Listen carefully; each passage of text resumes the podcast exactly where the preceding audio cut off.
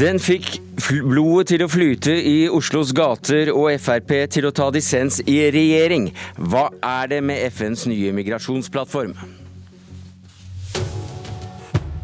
Ja, Det er spørsmålet vi eh, kanskje får svar på når vi slipper til Frp og Venstre her i eh, Politisk kvarter, etter at du har gitt oss noen knagger å henge denne kommende debatten på, Pål Nesse. Du er seniorrådgiver i Flyktninghjelpen, således ikke helt uhildet, for dere har vel også meninger om flyktningpolitikk. Men hva er FNs migrasjonsplattform? Det er en plattform for internasjonalt samarbeid om migrasjon. Det er altså migrasjon over landegrensene, prinsipper for det, hvordan landet kan samarbeide, og eh, hvordan dette kan håndteres best mulig og på lovlig vis. Norge har sluttet seg til, eller vil slutte seg til denne migrasjonspakten, som den også kalles. Må Norge forandre migrasjonspolitikken? Nei, i utgangspunktet ikke. Det er ikke noe dramatisk nytt. Det er mer at Norge forplikter seg til å samarbeide med andre land om å gjøre det på best mulig måte. Eh, er den bindende juridisk på noen måte? Nei. Ikke bindende juridisk, men den hviler jo på menneskerettighetene, i den grad de er juridisk bindende. Men det var altså etter eh, at migrasjonspakten kom opp som en politisk sak i Norge, at det ble en politisk markering mot eh, denne FN-plattformen rett utenfor Stortinget på søndag. Det ble slåsskamper. Fem personer ble tatt hånd om av politiet. Og plattformen er den saken som fikk Fremskrittspartiet til å ta dissens i regjering nå for 14 dager siden. For første og eneste gang til nå. Den saken skal ikke opp i statsråd, så det var vel en dissent light. Men allikevel, Jon Helgheim. Du er som eh, stortingsrepresentant for Frp den som håndterer denne saken i, i Stortinget for partiet ditt. Hvorfor er denne saken så viktig for dere? Ja, Det er en, eh, en eh, plattform som, eh, som, har en masse formuleringer som vi mener er uheldig. Vi vet at alle sånne avtaler de starter et sted, og vi vet også at i dag så sitter vi med bena godt planta i en rekke internasjonale avtaler, forpliktende og uforpliktende, internasjonale konvensjoner som vi er nødt til å forholde oss til og de binder oss ofte på hender og føtter når vi er nødt til å gjøre innstrammingstiltak i norsk innvandringspolitikk. Men det er altså ikke juridisk binding? Nei, men alle disse avtalene starter et sted. Eh, og alle avtaler starter også med de samme eh, argumentene om at dette er ikke farlig, det forplikter oss ikke, dette kommer ikke til å ha noe stor konsekvens for Norge. Og Det første jeg lurer på da, hvis det ikke har noe konsekvens, hvorfor skal vi skrive under da? Når det potensielt vil på sikt bidra til et sterkt eh, påtrykk om å myke opp eh, innvandringspolitikken. Og vi vet at det er sterke krefter i Norge som ønsker å myke opp innvandringspolitikken. Og de vil finne mange påskudd i denne avtalen for å gjøre det. Men det er ingen avtale ifølge eh, regjeringen punktum .no. Det er et politisk referansedokument. Det er Eh, uten nye folkerettslige forpliktelser. Det er ikke en traktat, det er ikke en konvensjon. Det er altså overhodet ikke en avtale, det er et rammeverk, mm. et eh, mellomstatlig dokument, et utgangspunkt for en dialog. Mm. Ja, alt starter et sted, og det er riktig at den ikke er juridisk bindende. Hvis man leser punktene i avtalen, så er det jo svært mange av de punktene som har en formulering som på norsk kan være altså vi forplikter oss til ditt, og vi forplikter oss til datt. Vi forplikter oss til veldig mye rart, står det jo om man signerer jo på det. og Det er klart det at det innvandringsliberale partier i Norge kommer til å bruke det for alt det er verdt for å få til oppmykninger i innvandringspolitikken. Og det er det siste vi mm. trenger. Men jeg skal innrømme det at det hadde vært bra hvis vi hadde fått en eh, avtale, en internasjonal avtale som la en standard for hva slags rettigheter og tiltak og ting man skulle gjøre for eh, innvandrere. For da tror jeg at den standarden hadde blitt lagt langt lavere enn det vi ligger på i Norge. Og da kunne Norge ha senka standarden mye, og andre land fått den opp, sånn at det ikke hadde blitt så attraktivt å reise mm. over halve kloden. for Men denne avtalen, eller dette dokumentet skal altså ikke ha noe binding i det hele tatt, Guri Melby, stortingsrepresentant for Venstre. Hva er da vitsen med avtalen? Eh, ja, jeg opplever jo at avtalen egentlig har som hovedmål nettopp det som Helgheim trekker fram helt til slutt. Det å legge noen standarder for hvordan vi internasjonalt i verdenssamfunnet skal håndtere migrasjon. Den anerkjenner jo at migrasjon er en stor utfordring. At det er over 258 millioner mennesker som er på flukt. og det her er vi nødt til å håndtere.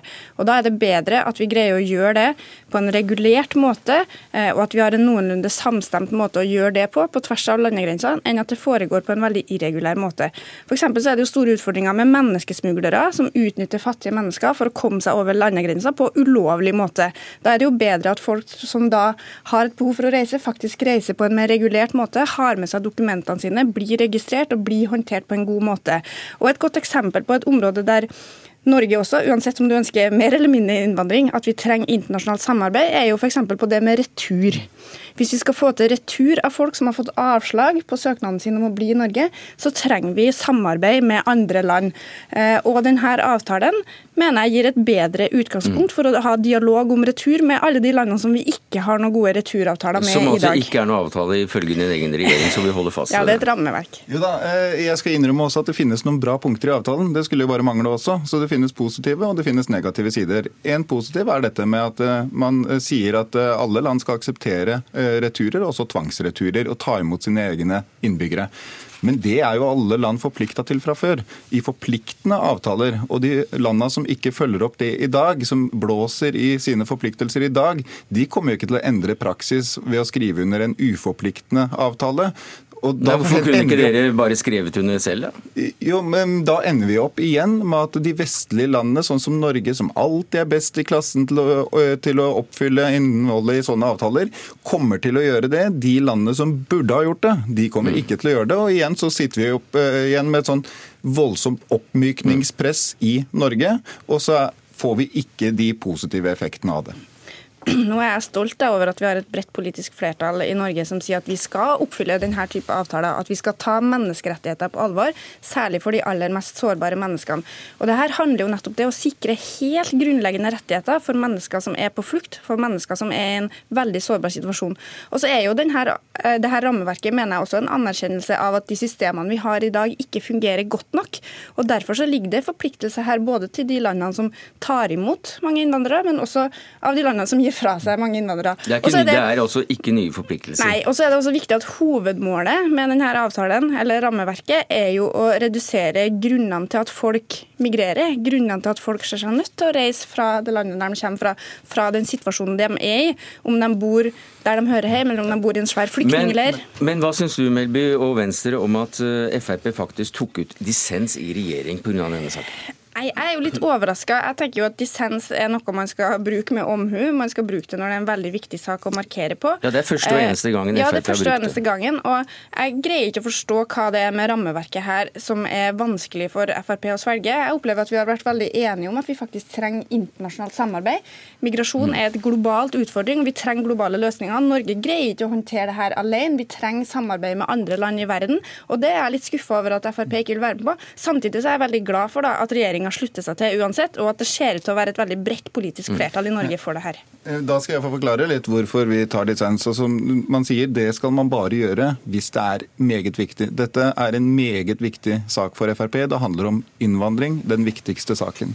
Eh, og I avtalen så står det flere punkter som er svært uheldige. Det er formuleringer som kan tolkes til å legge ganske store begrensninger på hvordan medier, politikere, hvordan undervisningsinstitusjoner i Norge skal snakke om innvandring. Man skal snakke det opp og vise de positive sidene, selv om de fleste effektene er negative. Det er én uheldig formulering i denne avtalen. Det er formuleringen på at man skal anerkjenne nye typer migrasjon som i dag er ulovlig, som lovlig migrasjon. Det er formuleringer på at migrasjon er ønskelig. Jeg er uenig i at det er ønskelig. Det er mange ting her som kommer til å bli brukt av innvandringsliberale politikere og partier for å myke opp. Så det, så, de, så det er det at det, det kan bli brukt av innvandrings... Nei, det er helt konkrete punkter her som er egnet for oppmykning, og det er det siste vi trenger. Men jeg skal bare få fullføre det. for Jeg skulle være enig i at hvis avtalen hadde vært konkret på at vi skal legge grunnleggende rettigheter i bunn i alle verdens land, så hadde jeg jo vært enig. Ja. Men den er så diffus og lite konkret at, eh, at man kan like godt tolke det som at man eh, skal ha flere rettigheter til eh, innvandrere. Og det står også om overføring av rettigheter okay. over landegrenser, overføring av penger. Dette er ting vi absolutt ikke trenger i Norge. Men på alle disse områdene så overoppfyller jo Norge allerede. Det her Men vil jo være- vi den avtalen, det, jo, fordi at Vi ønsker jo at andre land Ja, men også De skal gjør det gjøre ikke det. allikevel, og de er forplikta til å følge opp sånne Men ting. Men hvis denne denne de gjør ikke avtalen er så skummel, så er jo det her også da mer forpliktende for andre land. Det er en litt sånn motstridende retorikk du bruker her. Vi ønsker jo at andre land skal legge seg på en høyere standard, både i mottaksapparatet Det er veldig mange land som knapt nok har et mottaksapparat eh, for å ta imot dem som kommer over grensa. Eh, Vi ønsker mye bedre ordninger for retur. Vi ønsker mye bedre samarbeid på tvers av landegrensene. Men, og det, og det men som det er- vet vi vel Men, i dag, eh, at det, det er bare de vestlige landene som følger opp innholdet i sånne avtaler. Og de landene som folk gjerne flykter fra, eller burde ha oppholdt seg i og søkt asyl i, de blåser rett og slett i de forpliktelsene. De har forpliktelsene i dag, men de blåser i det. Og de kommer ikke til å endre praksis om de skriver under på en Estland, uforpliktende Australia, avtale. Østerrike, Tsjekkia, Ungarn, USA, Israel er noen av eh, disse landene som ikke Men, har eh, skrevet viktig- under på avtalen. Men eh, takk skal dere ha, Guri Melby, stortingsrepresentant for Venstre, og til Pål Nesse, senior eh, Nei, unnskyld. Til eh, Helgheim, som da er FrPs mann på denne saken i Stortinget. Eh, Nesset, eh, som seniorrådgiver i Flyktninghjelpen stadig. når du ser denne avtalen nå under ett og har hørt debatten, hva slags føringer vil den legge på land, selv om den ikke er bindende? Den legger noen føringer først og fremst for internasjonalt samarbeid. Og det er folk i Utenriksdepartementet for Norges del som har fulgt dette tettest.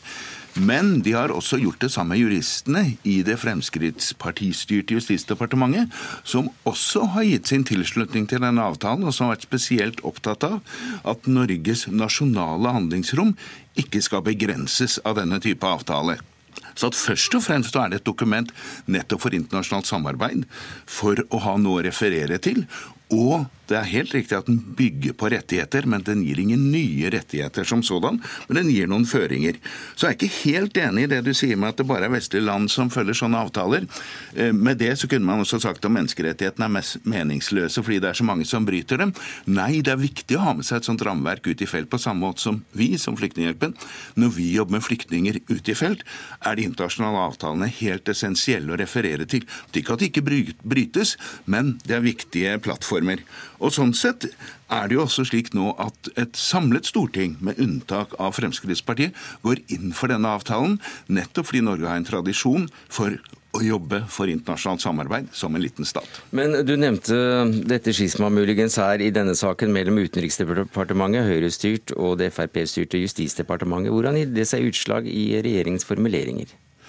Det gir seg utslag i at man har lagt vekt på at Norge ikke mister dette handlingsrommet. Og Det er det samme som vi så i statsbudsjettet i, fra Justisdepartementet, eh, nå i, eh, som nettopp ble lagt frem, som har en stor porsjon om hvordan eh, vi ikke trenger å endre det internasjonale rammeverket for å ta hensyn til Norges egne interesser om en streng innvandringspolitikk. Og Det presiseres jo også i dette dokumentet at statene selv skal bestemme hvor mye innvandring de skal ha, men de føringer for hvordan den skal skje og under hvilke rammer. Men vi nevnte, vi nevnte en del land som da ikke har skrevet eh, under. Er det ikke slik da som Helgheim sier, at de landene som eh, kunne trengt et slikt rammeverk, de holder seg langt unna? Nei, akkurat nå ser vi at de som ikke skriver under, er land som i den siste tiden, f.eks. USA, Polen, Ungarn, eh, har veket tilbake for internasjonalt samarbeid Ja, og vil heller se mer nasjonalistisk på det. Vi er jo bekymret for en sånn utvikling, og for oss som driver med flyktninger, så er det viktig at migranter også, som ofte kommer bokstavelig talt i samme båt, eh, blir håndtert på en bedre og på en lovlig måte. Dette rammeverket det skal loses gjennom FN-systemet ved akklamasjon på en spesial FN-konferanse i Marrakech i Marokko 10.12. Takk skal du ha, Pål Nesset, seniorrådgiver i Flyktninghjelpen. Det var Politisk kvarter. Jeg heter Sverre Tom Radøy. Nyhetsmorgen fortsetter etter Dagsnytt klokka åtte.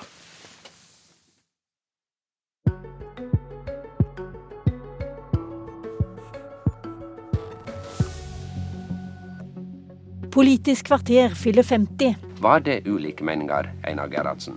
Eh, Ja, det var nok det, og det er jo ikke så underlig. Vi kommer aldri garanterer at vi aldri kan sitte i regjering med Frp. Vi kan ikke bidra til at de blir danna. Vet du hvem som leder Polarutvalget, f.eks.? Ja, sant, jeg, jeg, Hvem er det som leder Polarutvalget? Polar, det har jeg faktisk ikke oversikt over. Det er du. Det er det, ja? Okay. Ja. La meg, la meg si det slik at Nå har det tatt opp et tema som lyrene ikke var budde på. Det jeg registrerer at Hareide og mange andre politikere bruker tida si på, det er å gå og sleike disse her opp etter ryggen. Det overrasker meg nok at hun velger den tonen. Hør Politisk kvarters jubileumssending onsdag klokka 20 på P2 eller 2015 på NRK2.